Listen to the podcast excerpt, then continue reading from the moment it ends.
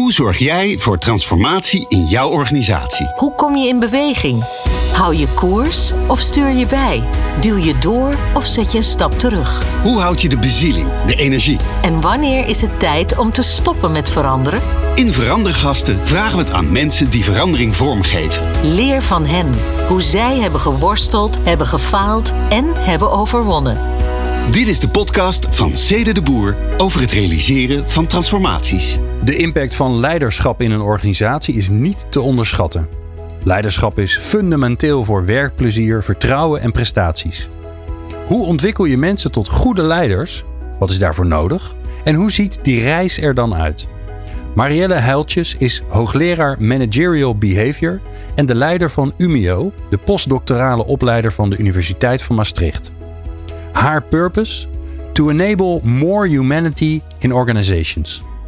Hoe pakt een expert op het gebied van leiderschap de ontwikkeling van leiderschap in haar eigen organisatie aan? En hoe zorgt zij voor haar eigen persoonlijke leiderschapsontwikkeling? Ik ben Glenn van den Burg en professor Marielle Heiltjes van de Universiteit van Maastricht is mijn verandergast. Marielle, fijn dat je er bent. Dankjewel voor de uitnodiging. Ja, ik ging me hierop voorbereiden en toen dacht ik, god, dit wordt complex, want je hebt er heel veel verstand van. Dus je bent een expert, dus je kunt beschouwend vertellen over wat je allemaal weet en, en wat we misschien allemaal onhandig doen of misschien iets beter zouden kunnen doen. Je, je helpt organisaties vanuit Umio, als ik het goed zeg, um, om om dit te doen. Dus je kan over je, over je klanten praten. En je kan over je eigen organisatie praten. Dus, dus ik, ik zal de luisteraar helpen om die een beetje uit elkaar te houden. Maar we, we hebben in ieder geval veel te bespreken. Dat in ieder geval wel. Ja. Uh, ik wil eigenlijk beginnen, want dat, dat trof mij eigenlijk het meest in mijn voorbereiding. Om te beginnen bij je purpose. Waar niet echt een goed Nederlands woord voor is, hè, volgens mij. Of heb jij hem wel? Nee, eigenlijk ook niet. De, de, volgens mij zou het Nederlandse zijn. Um, meer menselijkheid in organisaties brengen. Of de mens terug in organisaties brengen. Maar yeah. in, het, in, het, Engels klinkt het beter. Ja, yeah, to enable more humanity in organisaties. Waarom vind je dat belangrijk? Um, eigenlijk om de hele simpele reden dat um, organisaties bestaan uit mensen. En uiteindelijk is het de mens die met elkaar dus uh, iets probeert te bereiken. Ja. Ik denk dat is de meest basisbouwsteen van een organisatie. Ja, en, en, blijkbaar hebben we dat dus nog niet helemaal goed geregeld, want anders dan had je geen werk. Nou, ik, ik denk dat het soms een beetje vergeten is dat die, dat die mens als mens ertoe doet. Dus er is een, um, denk ik, een soort um, roldefinitie gecreëerd van als je over de drempel van, een, van veel organisaties stapt, dan betekent dat dat je je op een bepaalde manier zou moeten gedragen. En uh, wat dat zou moeten gedragen zijn, dat um, nou ja, is over de tijd met elkaar ontwikkeld. En dat, dat, dat, dat, daar verschillen natuurlijk ook wel meningen over. Maar dat is niet altijd, denk ik, menselijk. En als je nou een voorbeeld moet geven van iets waar je boos, verdrietig, teleurgesteld, geïrriteerd door raakt, uh, wat je tegenkomt in een organisatie. Dat je denkt, nou, dat is nou echt het tegenovergestelde van, van die menselijkheid. Daar zijn we het kwijtgeraakt. Wat, wat is dan hetgene wat je in, in je opkomt? Nou, dat zijn hele, hele persoonlijke, intermenselijke dingen. Bijvoorbeeld uh, iemand die heel hard heeft gewerkt aan een project met de beste intenties, uh, presenteert het voor een leidinggevende. En die leidinggevende die, uh, die ziet het gewoon niet. Of die zegt van nou, niet belangrijk, niet je best gedaan, die negeert het. Uh, en disqualificeert daarmee niet alleen het werk, maar indirect ook de persoon in de ogen van die persoon. Ja, ja. ja en, die, en die, die kijkt misschien alleen maar naar wat er nog beter zou kunnen of verkeerd is. Precies, of in kijkt plaats heel van dat er waardering is überhaupt. Precies, of kijkt heel instrumenteel. Ja. Ik denk dat dat is, als je kijkt naar de, um, nou ja, als je het helemaal naar de kern zou kijken, dat je, dat je dat je heel snel ziet dat het oordeel wat iemand over iemand anders heeft, wat natuurlijk in organisaties heel snel voorkomt, want daar word je vaak in getraind om te beoordelen of iemand iets goed heeft gedaan. Nou, dat oordeel wat vanuit de beste intentie wordt gegeven, kan soms heel um, kwetsend of denigrerend of juist de tegenovergestelde werkstelligen bij degene die, die object is van het, uh, van het oordeel. Ja. Nou, en mensen daar meer bewust van maken van hoe die dynamiek werkt en wat je daarmee eigenlijk meer uh, kapot maakt dan dat je mensen motiveert ja, dat vind ik een, uh, een kernaspect eigenlijk van het, uh, van het geheel. Missen we dan empathie in organisaties? Je kunnen verplaatsen in de ander in plaats van alleen maar gewoon vanuit je eigen positie en je eigen verantwoordelijkheid te reageren? Ja, ik denk niet dat het alleen empathie is. Dat, ehm, toevallig heb ik daar laatst met mijn zus een hele discussie over gehad. Over sympathie, empathie en compassie. Mhm. En ehm, kijk, sympathie in organisaties zie je eigenlijk altijd wel. Tenzij mensen elkaar haten. Nou ja, dat ga je niet vanuit. Dus ik kan wel meevoelen met, met, met een collega. Empathie, dat is soms al ingewikkelder. Want dat betekent dat ik me in moet kunnen voelen. Dus dat ik moet kunnen voelen wat jij voelt. En compassie gaat nog een stapje verder. Want dan kan ik voelen wat jij voelt. Maar er ook een soort metapositie in innemen. Door er dan een, een actie aan te verbinden. Dus bijvoorbeeld door te beseffen dat met wat ik nu tegen jou zeg, dat jij je eh, ja, daarmee niet gezien voelt. Of dat je eh, je veroordeeld voelt. Of eh, dat je inspanning niet op waarde wordt geschat. Nou, als ik me daarvan bewust ben, kan ik dus meteen ter plekke iets doen in die interactie. Mooi. Dus ik denk eigenlijk dat, dat En mijn hoe antwoord dan vaak, zou zo- zijn. hoe vaak denk je dat dit gesprek plaatsvindt in organisaties? Nou, Om deze genoeg. drie al uit elkaar te halen? Nee, niet, niet, niet, Nee, niet niet, vaak toch? genoeg. Nee. Niet vaak genoeg. Nee. Ja, ik durf wel te zeggen nauwelijks. Ja, maar dat is dus precies de drive waarom ik het zo belangrijk vind dat, dat die mens binnen de organisatie centraal komt te staan. Ja. Want, want het interessante ervan vind ik zelf dat als je echt naar de basis gaat, is het helemaal geen, geen hoogstaande wetenschap of hoef je er helemaal niet veel kennis moeten hebben. Het is gewoon basis. Hoe ga ik met, met jou hier? Hoe praten wij met elkaar? En, en let ik Ja. op wat, met, wat de impact is van wat ik tegen jou zeg of niet. Dus het zijn hele basale intermenselijke processen die aan de kern liggen. Ik heb ooit eh eh, Aart Bontekoning, die zich bezig heeft gehouden met generaties in organisaties, eh, eh, geïnterviewd. En die zei, ja, wij, hebben de beste ouders van de wereld. Want onze kinderen zijn de meest gelukkige kinderen in de wereld. Tenminste, toen ik hem interviewde was dat nog zo. Ik weet niet of dat nu nog steeds zo is. Hij zei, het probleem is alleen een beetje, dat vergeten ze ook op, in organisaties te doen. Dus, dus hoe liefdevol en, en compassievol en eh, hoeveel ruimte ze eigenlijk geven aan kinderen en hoe, ze, hoe steunend ze zijn. Dat doen ze nog niet in organisaties. En het enige wat ze eigenlijk hoeven doen is, is ook zichzelf zijn op, in, in organisaties. En dan is het voor een groot gedeelte opgelost. Nou ja, en dat is dus het interessante. Want heel veel, met name als je in senior management posities komt, van als je dan een organisatie binnenkomt en je gaat ehm, analyseren wat nou de roldefinitie is die iemand heeft van zichzelf in een bepaalde leiderrol. Dus hoe, die, hoe hij of zij vindt dat hij of zij zich moet gedragen. Ja, dan kom je daar hele interessante dingen tegen die daar inderdaad haaks- haaks op staan op wat jij zegt. Ja, en dat is nou precies waar jij verstand van hebt, volgens mij toch? Managerial behavior. Wat al ingewikkelde woorden zijn om uit te spreken. Maar dat, Universiteit Maastricht, hè, daar gaat heel veel in het Engels. Ja, ja, jullie zijn enorm, ja, bijna alles volgens mij, toch? Ja, jullie zijn heel, eh, heel, heel internationaal. Ehm, wa- wat, waarom, want ik zei het wel in de intro dat leiderschap heel belangrijk is, maar kan jij dat nog even kort benadrukken of ontkrachten, als het natuurlijk totale onzin is wat ik gezegd heb? Waarom is dat leiderschap zo belangrijk in organisaties? Wat, wat is dat dan? Nou, in, de, in hoe wij organisaties hebben gebouwd, heeft de leider altijd een voorbeeldrol. Dus mensen binnen organisaties kijken, bewust of onbewust, naar mensen die in leiderrollen zijn gestapt als voorbeeld. Dus nou ja, als, als je een voorbeeld bent, dan denk ik dat het heel belangrijk is dat je je bewust bent van, eh, van je eigen gedrag en met wat je, wat je daarmee bewerkstelligt. Ja. Of wat je daarmee eh, behin- behindert, of wat je daarmee juist bevordert. En dus wordt eigenlijk trainen wat jij als leider doet geko- automatisch gekopieerd. Nou, niet automatisch gekopieerd, maar er wordt wel naar gekeken als eh, het is een norm van wat hier belangrijk wordt gevonden. En dat is, een, en dat is wat mensen realiseren zich vaak wel dat ze een, in positieve zin een voorbeeld moeten zijn. Maar ze realiseren zich niet dat als ze dingen bijvoorbeeld niet doen, dat dat ook gezien wordt als voorbeeld. Dus bijvoorbeeld een, ehm, een teamleider die binnen een team een collega heeft die zich continu niet houdt aan wat is afgesproken, maar daar eigenlijk geen actie tegen onderneemt. Aha. Ja, dat is natuurlijk ook een voorbeeld. Want dan Ja. wordt schijnbaar eh, je niet houden aan afspraken toch getolereerd. Ja. Dus en daarom is dat zo belangrijk om het leiderschap iets te doen. Dat leiders zich bewust zijn van met wat de impact is van hun gedrag. Ja. Op het bewerkstelligen van de, de doelen van de organisatie. Op het creëren van de cultuur die ze met elkaar willen bewerkstelligen. Eh, Ja, en dan, en dan, eh, dan kun je daar natuurlijk eh, naar kijken. Dat kun je analyseren. Uiteindelijk wil je daar natuurlijk grip op krijgen als organisatie. Dus laten we eens beginnen bij. Verandergasten. Beginnen met veranderen. Nou, eh, vanuit al jouw perspectieven. ehm, maar laten we eens kijken. Het misschien wel de, de leukste is als iemand jou vraagt om hulp.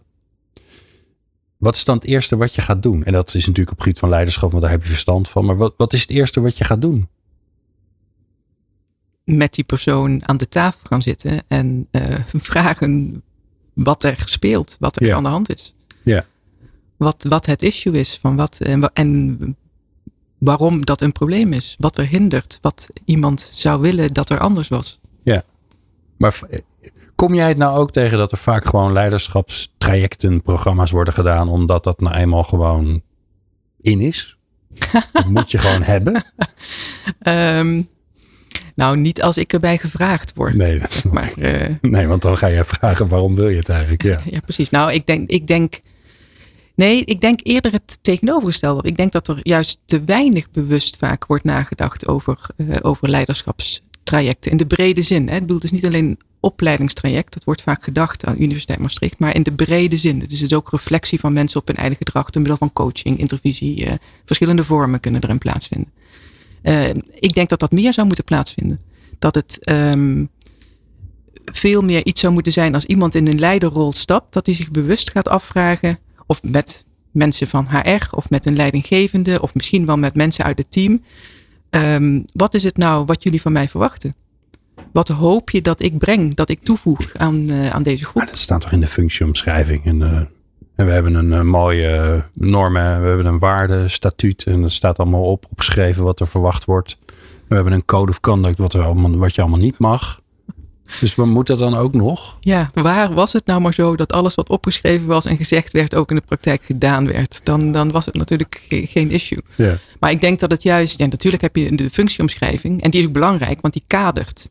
Maar hoe je vorm geeft aan, aan de taken en de verantwoordelijkheden die in die functieomschrijving gaan, dus welk gedrag je laat zien in interactie met iemand anders, eh, dat is cruciaal in hoe je bijvoorbeeld een cultuur vormt. En eh, bijvoorbeeld in, in, in, in de organisaties waar, eh, waar ik of, of collega's binnen Umio mee werken, als we ze vragen van oké, wat wordt er nou van jou verwacht in jouw rol? Wat verwachten, ehm, heb je dat wel eens met medewerkers besproken? Meestal kijken mensen je dan heel verbaasd aan en zeggen nou, nee. Ik, bedoel, ik bespreek het eigenlijk? met mijn leidinggevende één keer per jaar tijdens het functionerings- of beoordelingsgesprek. Eh, ja, dan wordt er gecheckt. Voldoe je aan wat je, waaraan je moet voldoen? Ja, en dan sterker nog, vaak trekken ze dan toch weer die functieomschrijving uit de kast met dan eh, eh, hoe, hoe volwassen Precies. senior je reageert op die dingen en ja, hoe ver je bent. Hm. Ja, terwijl het belangrijkste is juist dat je het gesprek aangaat over, over dat soort dingen. En het grappige is natuurlijk wel hè, dat ehm, eh, eh, als ik aan de slag ga met klanten en waarschijnlijk als jij aan de slag gaat eh, vanuit Umio met klanten, is toch het eerste wat je aan ze vraagt, wat verwacht je van mij? Wat, wat moeten Ja. we bereiken met elkaar? Want anders dan, ja, dan kun je nooit een opdracht opschrijven. Ja, precies. Ja, maf is dat. Nou ja, sterker nog, het is zelfs ehm, vanuit leerprincipes zo dat, dat als ik iets ga ontwikkelen of doen voor jou, en dat geldt voor leiders dus ook, maar ook voor, voor opleiders, wat ik heb bedacht, wat goed zou zijn voor jou, en het past helemaal niet bij, bij jouw referentiekader of helemaal niet bij het punt waar jij op dit moment zit, ja, dan, dan, dan, dan leer je niks, dan ontwikkel je niks. Nee. Dus dat geldt voor opleiders, maar dat geldt ook voor leiders natuurlijk, die in een situatie worden, worden geplaatst en worden gevraagd om bepaalde doelen te bereiken en mensen daarin mee te nemen. Dat lukt alleen als je ervan bewust bent van wat is het gezamenlijke vertrekpunt. Ja.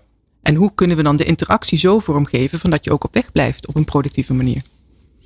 En, en ehm, hoe bepaal jij nou voor jezelf of, ehm, of het een, een, een vraagstuk is wat echt bij jou past? Want ik kan me ook heel goed, ik bedoel, de, de leiderschap eh, is nogal een breed onderwerp. Dus het kan van alles en nog wat zijn. Hoe, hoe, hoe, hoe denk je van ja, dit is. Hè, en, jij, bent, eh, jij bent ook een mens en je gelooft in dat menselijke. Dus, dus hoe bepaal je van ja, pas ik bij deze opdracht? Pas ik bij deze organisatie? Pas ik bij deze mensen? Pas mijn kennis, mijn vaardigheden? Hoe doe je dat? Ja, ik ben natuurlijk niet alleen, want het, het Nee. gaat nog telkens om mij, maar Umio is een, is een, is een bredere club. En het, het voordeel van, van onderdeel zijn van, eh, van de universiteit is dat je dus ook heel veel verschillende expertise tot je beschikking hebt. Uh, dus als uh, een organisatie, als we met een organisatie praten van wat hun, hun vragen zijn, kan het heel goed zijn dat ik uh, inderdaad zeg van nou nee, dan moet je bij mensen zijn die heel veel verstand hebben van, van innovatieve processen. Onze Service Science Factory bijvoorbeeld. Of juist bij mensen die de planning en control cycli heel goed begrijpen, die bij accounting and ja. information systems actief zijn. waar ik zelf inhoudelijk bij betrokken ben, dat zijn um, programma's waarvan ik denk dat, dat de, de impact van gedrag een verschil kan maken. Oké. En dan de impact van gedrag, liefst van mensen in, leid, in, in leiderrollen.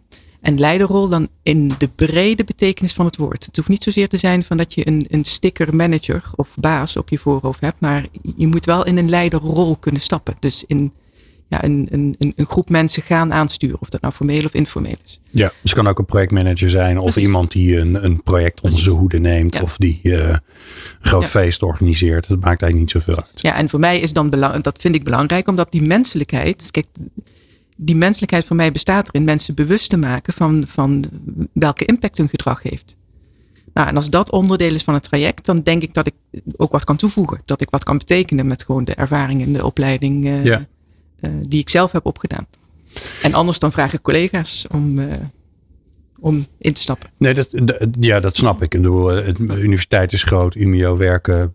Ik heb op LinkedIn gekeken. Ik zag dat er 85 mensen gezegd hebben dat ze bij jou werken. Dat wil niet zeggen dat er ook 85 zijn. Nee, nee, nee. nee. Maar. Op de, op de, dit is een beetje een netwerkorganisatie. Concreet op de oh. loonlijst staan er 30. Uh, maar we werken natuurlijk met veel meer mensen uit de verschillende faculteiten van de Universiteit Maastricht. Die dan in een programma bijvoorbeeld gevraagd worden. Of bijvoorbeeld als er een programma is waar ze behoefte zouden hebben aan een uh, schrijver of journalist, dan uh, radiomaker. Nou ja, dan zou jij ook daarvoor gevraagd kunnen worden. Nou, leuk zeg. Goh, wat een goed idee dat je daar naar mee komt. we hebben het straks nog wel over. Um, um, um, maar we hebben het wel over. Het interessante van deze podcast is, we hebben het altijd over natuurlijk over de wereld waarin jij je begeeft, maar vooral over jou als mens. Uh, en hoe jij dat dan in zit. En daar hebben we ook uh, vragen bij bedacht om ervoor te zorgen dat je, ja, dat, je, dat je een beetje in een metafoor moet gaan denken. Welk instrument ben jij? Ja, je hebt vast iets met muziek. Dat uh, bijna, niemand, bijna niemand heeft niets met muziek. Dus iedereen luistert wel iets. Ik heb een zus die fantastisch piano speelt. Kijk, nou, daarom. Uh, dus stel je even je favoriete muziekstijl voor. Stel je voor uh, uh, hoe dat gespeeld wordt in een live sessie. En welk instrument ben je dan? En ik heb ondertussen geleerd dat ik bij al, alle leiders die ik spreek moet zeggen: de dirigent is geen instrument. Dus ik, ik wil. dus ja, wat, wat ben je? Ja, dat vind ik een hele moeilijke vraag, omdat ik natuurlijk geen ervaring heb in bands of. of nee.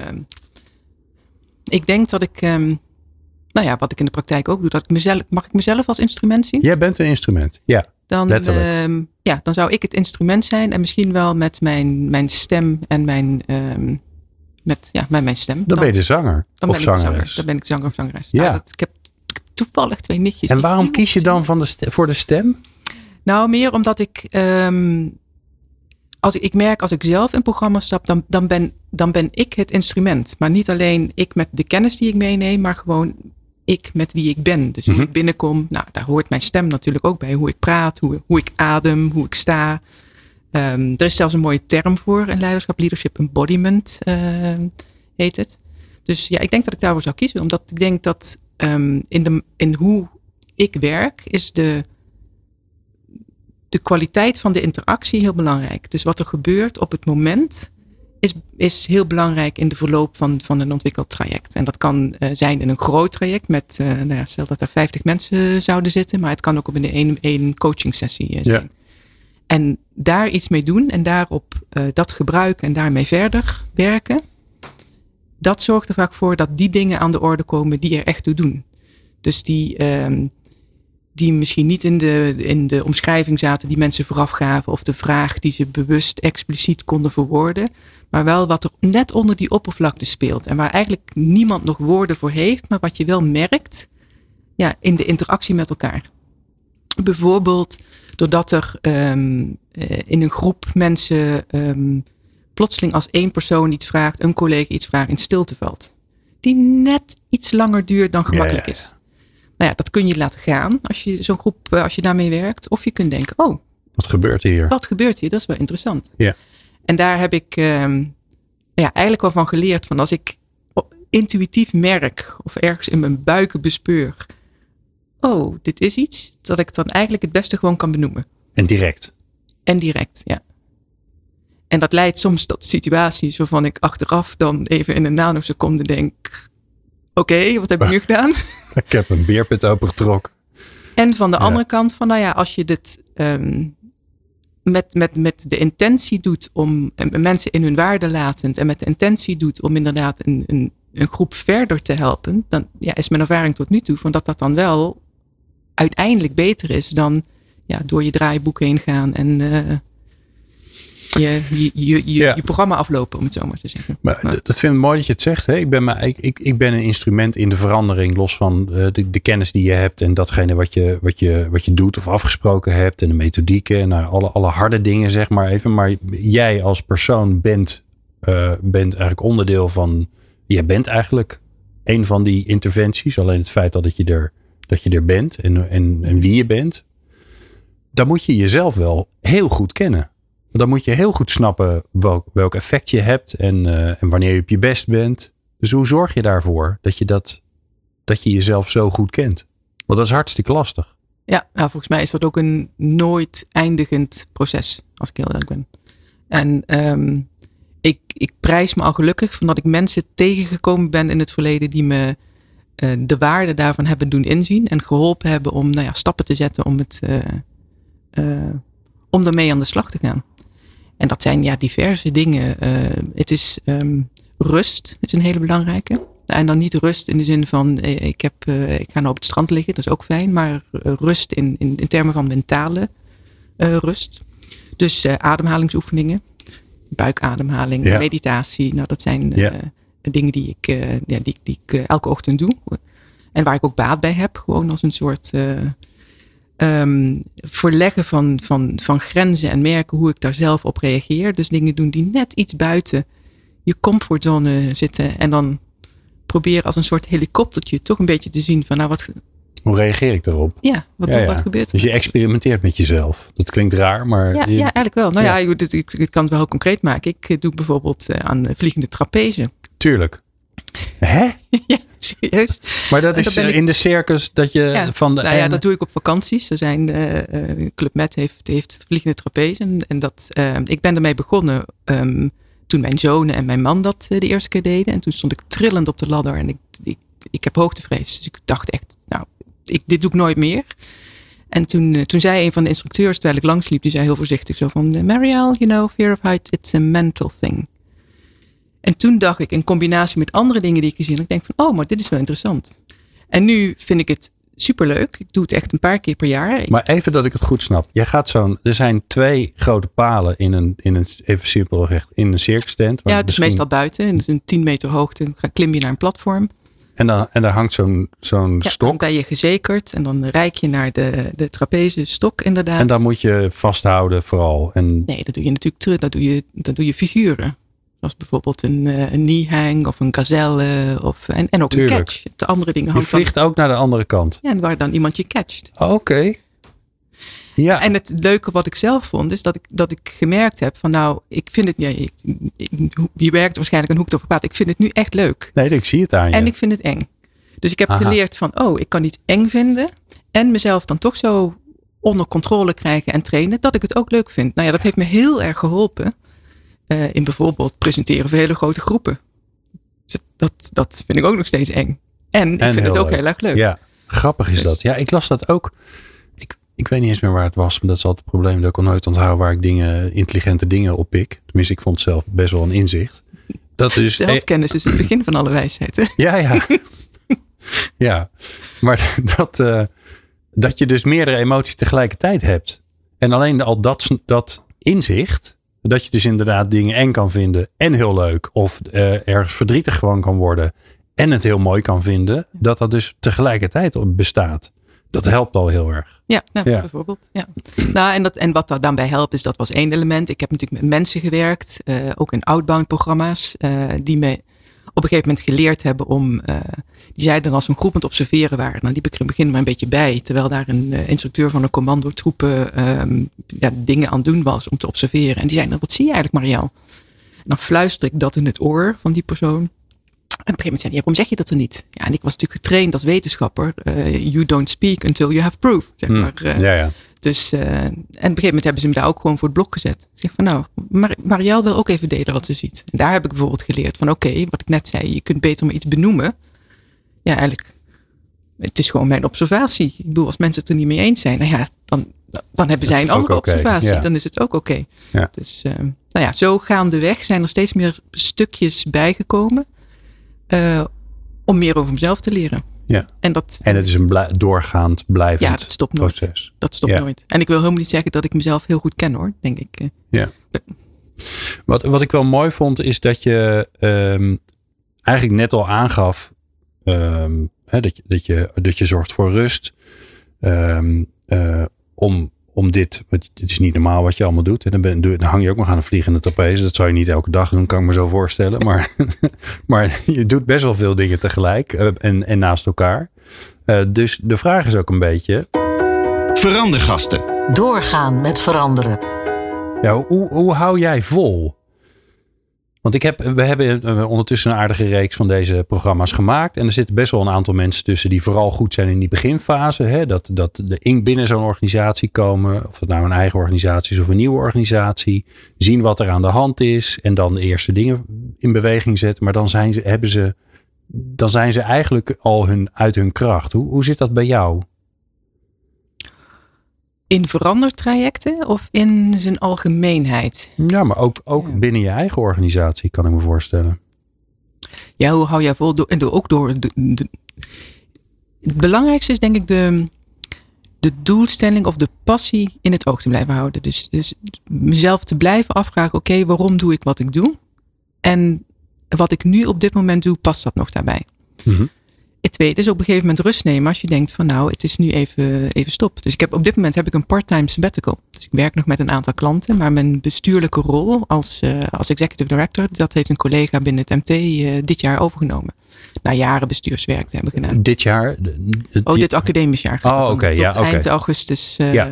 heb ik een heel luxe, een part-time sabbatical. Dat is echt heel erg mooi. Ja. Omdat ik op een gegeven moment merkte, met name in die coronatijd. Want Umio is een, een, een privaat gefinancierd instituut in een publieke context. Wat dus een, een gekke setting is. Ik denk Ja. van nou, ik heb zo voor mijn gevoel zo ontzettend gevochten.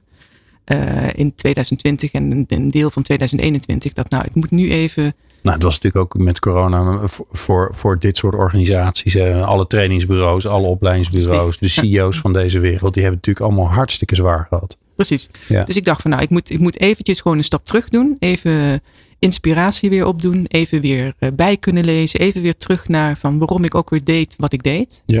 Dus ik prijs me enorm gelukkig dat ik een geweldig MT heb die, eh, eh, die daarin meeging. En natuurlijk ook een universiteit die, eh, die zegt je mag je sabbatical, gespaarde sabbatical jaren opnemen. Ja, hoe doe je dat dan? Want dat lijkt me best wel lastig om, om afstand te nemen. Om dan eh, los te komen. Om, eh, ja, om toch niet stiekem weer je helemaal te, te verdwijnen in je vakgebied. En om alleen maar eh, eh, eh, academische literatuur te gaan lezen over leiderschap. Want er valt nogal wat over te lezen.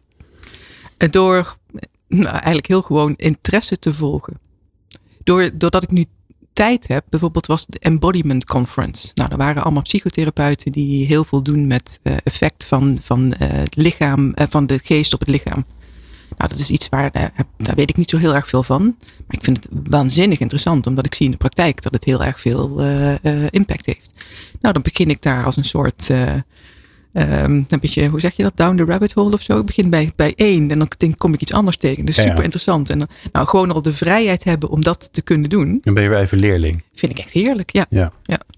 Dus het is, eh, en dan ook dingen die wellicht formeel buiten mijn gebied, eh, vakgebied eh, liggen. Vind ik heerlijk om te doen. ja. Dus. Ik klink niet als een typische wetenschapper. voor, zover die, voor zover die bestaan. Hoe klinkt een typische wetenschapper? Nou, nou wat, ik, wat ik merk aan de, aan de wetenschappers die ik spreek, spreek is dat ze eh, eh, vaak heel specifiek zijn. Dat ze ehm, dat, dat alles wat ze zeggen, dat moeten ze kunnen staven. En ik hoor jou wat losser praten. wat meer overkoepelend. Wat, wat, ehm, ik denk als we, als we dit terugluisteren en alle literatuur erbij moeten gaan zoeken, dat we een probleem zouden hebben. Denk je? Nou, nee, dat zou ik nog wel voor je kunnen Ja? doen ook. Oh, Oké. Niet dat het nodig is hoor. Dus doe, doe vooral de moeite niet. Nee, ik, maar ik denk dat ik dat, dat klinkt misschien een beetje gek, ehm, afgeleerd heb in het werk wat ik doe bij Umio. Dus ik ben in 2008 eh, directeur geworden van voorlopers van wat toen Umio wordt. Maar dat was voor mij het begin van werken met professionals. En daar kwam ik er eigenlijk al heel erg snel achter dat ehm, hoe ik gewend was over leiderschap te praten eh, in de academische wereld, op congressen, presentatie van onderzoek en zo, van nou ja, dat dat gewoon helemaal eh, asynchroon was met wat er binnen eh, organisaties ehm, belangrijk werd gevonden.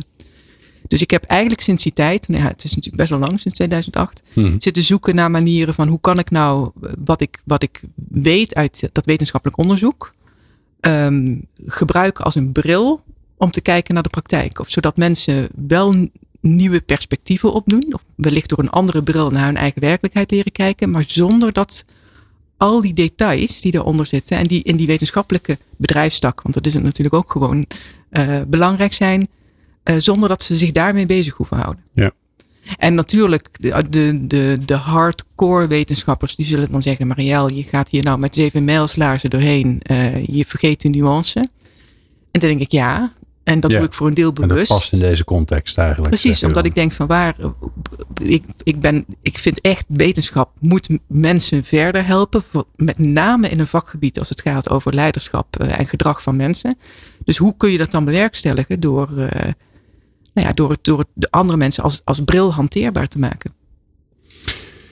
Als jij nou, ehm, eh, want dat doe je nog steeds. Je zit wel eh, binnen zeg maar de, de, de, de opdrachten van Umio. Daar, daar, daar- die doe je nog steeds, toch? Ja, ja, ja, hè? ja. Dus dat is, de, dat is het deel van de parttime. Ja.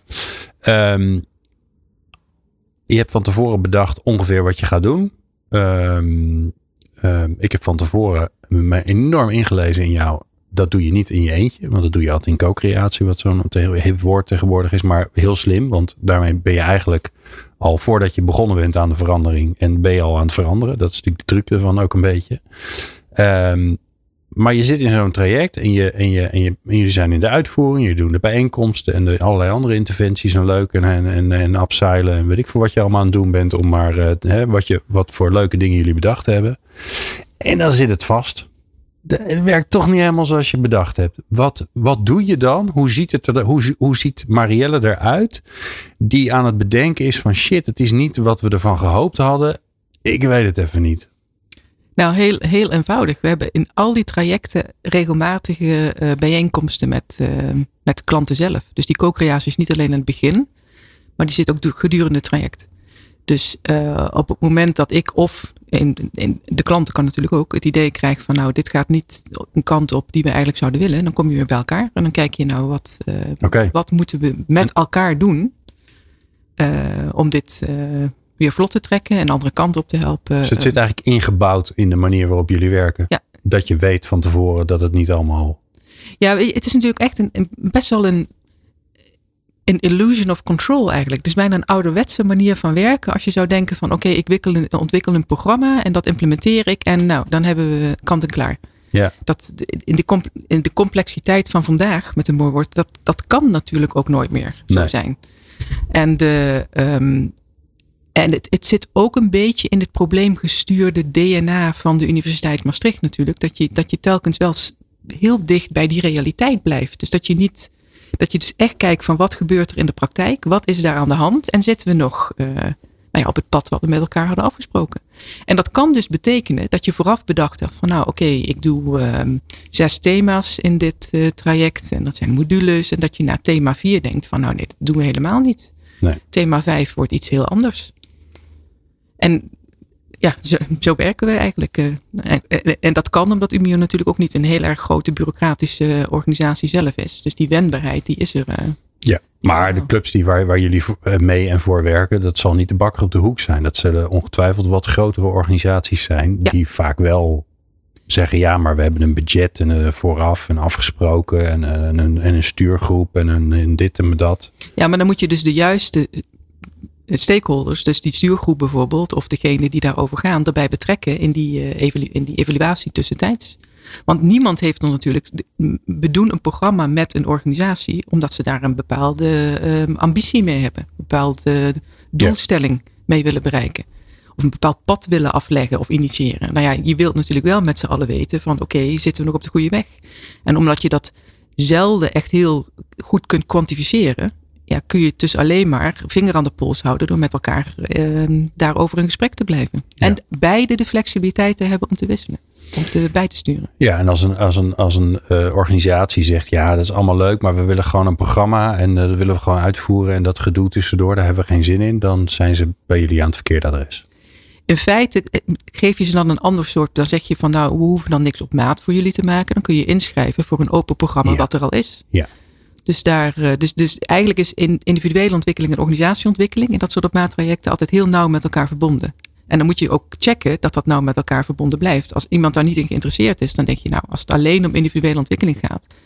Ja, er zijn hele mooie masterprogramma's, open enrollment programma's, uh, waar je gewoon kunt, naartoe kunt gaan. Die zijn dan nog goedkoper ook nog, dan wanneer het op maat wordt gemaakt. Ja, ja. Wij hebben in deze, in deze aflevering al een aantal keren hartelijk gelachen met z'n tweeën. Hoe belangrijk is humor, lachen, uh, uh, ook in, bij zoiets belangrijks en groots als leiderschap. En, en als je daar aan het werk bent. Ja, super belangrijk natuurlijk. Ja. Ik wil, volgens mij kun je alleen maar um, moeilijke zaken of de zaken die mensen ingewikkeld vinden bespreekbaar maken als daar een bepaalde dosis humor bij komt. Dan moet een bepaalde lichtheid ook mogelijk zijn. En dan niet lachen om je ongemakkelijkheid weg te halen, want dat, dat gebeurt natuurlijk ook maar een bepaalde um, ja, lachen om jezelf, zeg maar. Een bepaalde, ja, vanuit compassie bijna kijken naar het geheel en denken van, goh, ja, weet je, we zitten toch eigenlijk met z'n allen hier in datzelfde schuitje en we proberen er allemaal maar het beste van te maken. En eigenlijk, als we nou heel eerlijk zijn, heeft niemand de heilige graal gevonden en weet hoe het moet. Dus als we dat nou even vaststellen, ja, en dan, dan ook nog iets, uh, iets vriendelijks met elkaar van, uh, van maken, dan, uh, ja, ik vind het wel belangrijk. Ja, en het grappige is wat je ook aanstipt. Hè, vaak, ik merk dat vaak als, ik, als, als er groepen mannen zijn, dan merk je soms ook dat er, dan wordt er heel hard gelachen. En dan, maar dan wordt er ergens heel hard om gelachen dat je denkt, hmm, is, dit is eigenlijk, is het, ja, het is wel, het is wel grappig, maar het is, het is eigenlijk niet oké dat dit gebeurt. Dus humor kan natuurlijk ook een soort signaalvlag zijn van iets wat eigenlijk niet zo gezond is onderling. Ja, dat, maar dan dat, kun je het dus gebruiken om daar wat over te zeggen. Ja. In zo'n geval. In zo'n geval kun je dus, als je dat bedenkt, hmm, kun je dus met humor wel dat signaleren. Oké. Okay. Je kunt bijvoorbeeld, ja, je hoeft er dan niet een hele, heel, heel statig, plechtig Nee, maar het ingewikkelde is natuurlijk dat, dat je, dat je in, een, in een situatie bij iedereen aan het lachen is. En je denkt, maar dit is eigenlijk niet oké. Haal je anders dat, dat voor, voor veel mensen blije moment helemaal terug naar iets wat je, dat je eigenlijk aangeeft. Ja, is er niet gewoon iets aan de hand hier? Ja, maar de vraag is of, het, of je het daarmee weghaalt. Als het iets is wat jou op dat moment dwars zou zitten, hoeft niet het moment plat te slaan, maar je kun je wel de achteraf, als iedereen uitgelachen is, zeggen van wacht, ik toch eventjes, er zit me toch iets niet helemaal lekker. Hebben we ontzettend ja. gelachen, nou we leuk met elkaar, maar er zit me toch iets niet helemaal lekker. Wil ik even, even, even toetsen bij jullie. Oké. Okay. Okay. We gaan naar de laatste fase. Verandergasten. Stoppen met veranderen. En dat doen we um, uh, op een bijzondere manier, namelijk met een aantal stellingen waar jij alleen maar ja of nee, of nee op mag antwoorden. Dat is altijd ingewikkeld. Maar dan ga ik je daarna wel, als ik verrast ben, uh, ga ik je wel vragen waarom dat dan is. Dus uh, het is niet zo dat, dat je het daarbij moet laten. Je mag het nog wel nuanceren na afloop. Alright. Instelling. Keuze uit twee antwoorden. Ja of nee? Nou, daar gaan we. Ik stop pas als het doel bereikt is. Nee, want het doel is nooit bereikt. Oké. Okay. Ik mag alleen maar ja of nee zeggen. Ja, ja. nee, je zei nee. je zei nee. Het doel is nooit bereikt. Mm -hmm. Dat is wel ingewikkeld. Want je wilt toch iets voor elkaar krijgen? Ja, maar het doel schuift telkens. Dus ik denk dat dat. Je stelt de vraag. Daar ligt de aanname onder alsof een verandering een, een en een staart heeft. En okay. zo zou ik er niet naar kijken, zeg maar. Dan denk ik dat ik al het antwoord weet op de volgende stelling. De verandering is nooit klaar. Nee, want het, het is niet de verandering. Het is niet een entiteit met begin en met kop en staart. Ik denk dat, dat in alles, zeg maar nu, dat je beter naar de wereld kunt kijken als ehm, iets wat continu in verandering is. En soms zijn dat kleine dingen en soms zijn het hele grote dingen. Dan ehm, naar ja, wat ze dan als een episodische activiteit eh, noemen. Van het heeft een start en het heeft een einde. En nou ja, dan gaan we weer terug. Is dat dan iets wat wij, wat wij als mensen verzonnen hebben? Dat er, dat er, bedoel, er is een begin en een eind aan het leven. Dat zou je wel kunnen zeggen, om het maar even dramatisch te maken. Maar, maar verder is alles ja, ja pantarij was het toch? Alles ja, stroomt. Alles stroomt. Nee, maar volgens mij komt het, zit het, als je kijkt naar, en toch even, toch even naar de literatuur over, eh, over leiderschap en oh denken over organisaties. Ja, nou, vertelt u maar, professor.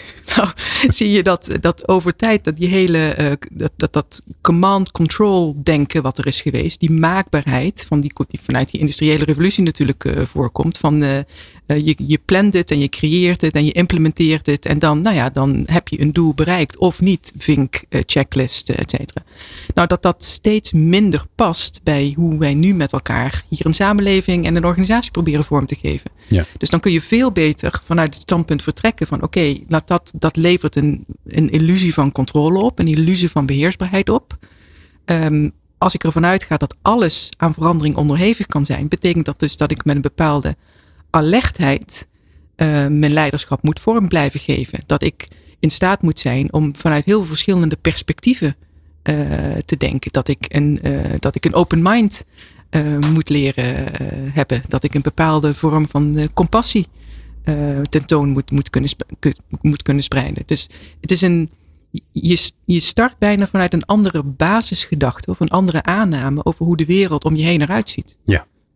Ja. En je laat daarmee los eigenlijk van oké, het is allemaal planbaar en het heeft een kop en een staart. En ik kan het dus ook zo regelen dat uh, wat ik wil uiteindelijk gebeurt. Dat is maar voor een heel klein aantal gevallen. Maar je doet dat wel in een wereld met, uh, uh, met kwartaalcijfers, met jaarplannen, met targets. Ik bedoel, al, die, al dat soort systemen, die, die, die gaan alleen maar over maakbaarheid en planbaarheid. Precies. Nou ja, en dat is denk ik wat je nu ziet dat een deel van, de, van het probleem is. Dat je moet die systemen wel hebben. Want ik bedoel, hele grote organisaties zonder die systemen worden chaotisch. Alleen er is een hele wereld naast. Dus de, je moet denk ik de, de relativiteit van de, uh, van, van, van de systemen en de maakbaarheid um, goed onder ogen leren zien. Dus wat het je brengt moet je zien, maar ook wat het je niet brengt. En daarnaast is dus die continue stroom van veranderingen en, en dingen die er gebeuren. En waar je ook onderdeel van uit bent. Ja, dus je hebt een plan en je weet van tevoren dat het anders gaat. Het is een beetje zoals wij de programma's vormgeven. Je hebt een doel, je hebt een ambitie, je hebt een, een vooruitzicht van wat je eigenlijk wil bereiken.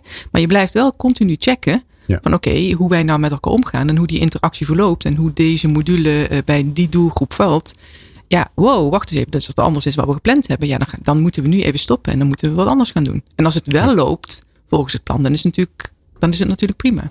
Nou is het natuurlijk wel zo dat de, de leiders die nu onze organisaties besturen, die zijn niet opgegroeid met deze gedachten. Ik kom ik wel bij heel veel jonge mensen tegen.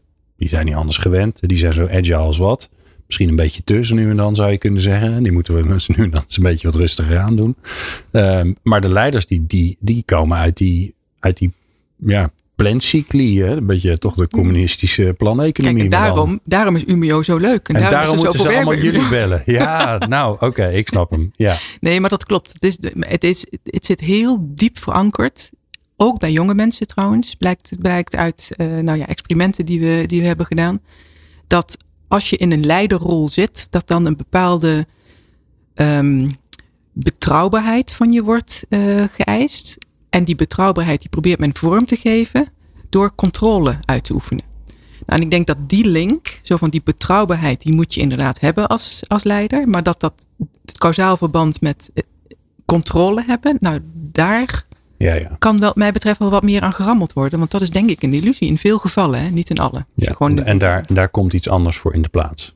Daar komt iets anders bij, denk ik. Want die controle bij grote organisaties die blijft. Maar je moet, dus eigenlijk wordt het ingewikkelder. Want je wordt dus eigenlijk gevraagd om een veel paradoxalere um, mindset in te nemen. Enerzijds te snappen van hoe die controle werkt. En anderzijds ook open te staan voor, eh, voor de veranderingen die er continu plaatsvinden. En dan te kunnen veranderen op het moment dat het vraagt, zonder dat daarbij een ego in de weg zit, of je eigen reputatie, of nou ja, al dat soort Ja. andere. Ja, of je bang bent voor wat jouw baas er dan weer van vindt. Ja. Precies. Eén één over jou eh, persoonlijk. Eh, mijn omgeving geeft het aan als het voor mij tijd is om te stoppen. Dus als het, als het klaar is, als het weer tijd is voor wat nieuws. Eh, ja, ik denk dat ze dat wel doen. En soms ben ik wat eigenwijs. Als mijn man dit hoort, dan lacht hij helemaal aangeven en het aannemen zijn twee verschillende dingen. Precies, hè? ja. Ja. Maar ja, is jouw man, speelt hij daar een rol in? Ja, die, eh, die heeft. Ik heb jaren echt heel veel gewerkt. En als ik daarop terugkijk, denk ik van. Oh, Marielle, dat had echt wel wat beter in balans kunnen zijn. En die heeft dat toen wel aangegeven. Alleen Ja, vond ik dat toen gewoon niet zelf geluisterd. Toen vond ik dat zelf niet. Dus eh, ja. Ja. en ik heb ook echt hele fijne collega's binnen Umio. Die eh, ook, ook tegen mij zeggen van als er dingen gebeuren. Van zeggen, nou Marielle, misschien even een beetje rust nemen. Een beetje een stapje, stapje terug. Want wat was voor jou de trigger om, om die, die, die part-time sabbatical in gang te zetten? Ehm, nou, volgens mij was, is het een vergadering geweest. Waar ik achteraf merkte dat ik moe was van het gevecht. Volgens mij ging het dan over geld weer binnen de universitaire context. Dus niet binnen mijn eigen UMIO-team. Nee. En waarvan ik dacht van ja, wow, ik ben nu wel heel erg ver af aan het raken van wat, wat mij zelf echt inspireert. Dus misschien moet ik even pas op de plaats maken. En toen ben ik, ja, dat is eind 2020 geweest. En toen, omdat dat natuurlijk niet in één keer kan, heb ik het idee geponeerd om al die, om dat sabbatical jaar wat ik gespaard had door zeven jaar faculteitsbestuur te zeggen, kan ik dat dan per, eh, of ik wil dat per eind 2021 eh, opnemen vanaf eh, november. Deels. Ja, en dat is dan zo ver weg dat iedereen denkt, oh, dat lossen we dan wel weer op. Ja, nee, toen ben, zijn we er wel, toen ben ik er wel aan gaan werken, hoe het oplosbaar En jij weet hoe dat gedragsmatig werkt natuurlijk. Dat als het ver weg is, dan, dan is het altijd minder een probleem. Dan Ja, ook voor zegt, mezelf hoor. Maar, Volgende maand. maar ook voor mezelf. Want dan kan ik natuurlijk ook mijn agenda anders plannen. Ja, ja. En dan kun je ook tegen mensen zeggen van nou weet je, die, tijdens die periode ben ik er niet bijvoorbeeld. Eh, maar ja. Ehm, ik heb nog een laatste vraag. We zijn nog uren door kunnen praten. Maar Maar die ja, eh, nee, dat- ben je niet zo streng in, hè? Want ik, heb, ik praat gewoon lekker door. ik ben überhaupt niet streng. het is maar een middel. Hè? Ehm, er luisteren veranderaars naar deze podcast, naar verandergasten. En ehm, die, die willen heel graag, eh, kan ik me zo voorstellen, eh, leren van, van de mensen die we hier hebben. Daarom stellen we iedereen de laatste slot, slotvraag. Wat zou je die andere veranderaars mee willen geven? Ehm, eigenlijk een, een, hele eenvoudige verandering binnen organisaties begint bij jezelf. Oké. Want? Ehm, nou, er is, een, er is een hele mooie uitspraak. Volgens mij wordt die, wordt die door Otto Scharmer in zijn boek Theory U genoemd. Dat is de CEO van Hanover Insurance heeft dat ooit gezegd. Dat de interior condition Hm. uh, of the intervener uh, determines the, the quality of the intervention. Ja. Oh ja, die is heel mooi. Ja. En ik denk dat dat zo ontzettend waar is. En dat geldt natuurlijk ook voor, aangezien leiderschap omgaan met verandering is, continu. Is het van hoe jij, hoe jij zelf in de, in de wedstrijd zit. Dus wat jouw eigen innerlijke houding is. Um, bepaalt heel sterk van wat de, wat de impact is van, um, ja, van de veranderingen die je beoogt. Ja. Ja, en daaraan dus, werken, is, dat is die eindeloze reis. Dat stopt nooit als je daar eenmaal mee begint. Dus ik hoor jou zeggen, als je zelf niet in de verandering gelooft, of je, je, je, je, je snapt hem nog niet, of je voelt hem nog niet helemaal, dan heb je daar eerst werk te doen voordat je allerlei dingen in beweging gaat zetten. Nou, nog, nog zelfs nog één laagje daaronder, van dat je, dat je jezelf afvraagt van welke waarde voeg ik toe? Dus wat doe ik met mijn gedrag en de impact die ik genereer om deze verandering mogelijk te maken of te hinderen? Mooi.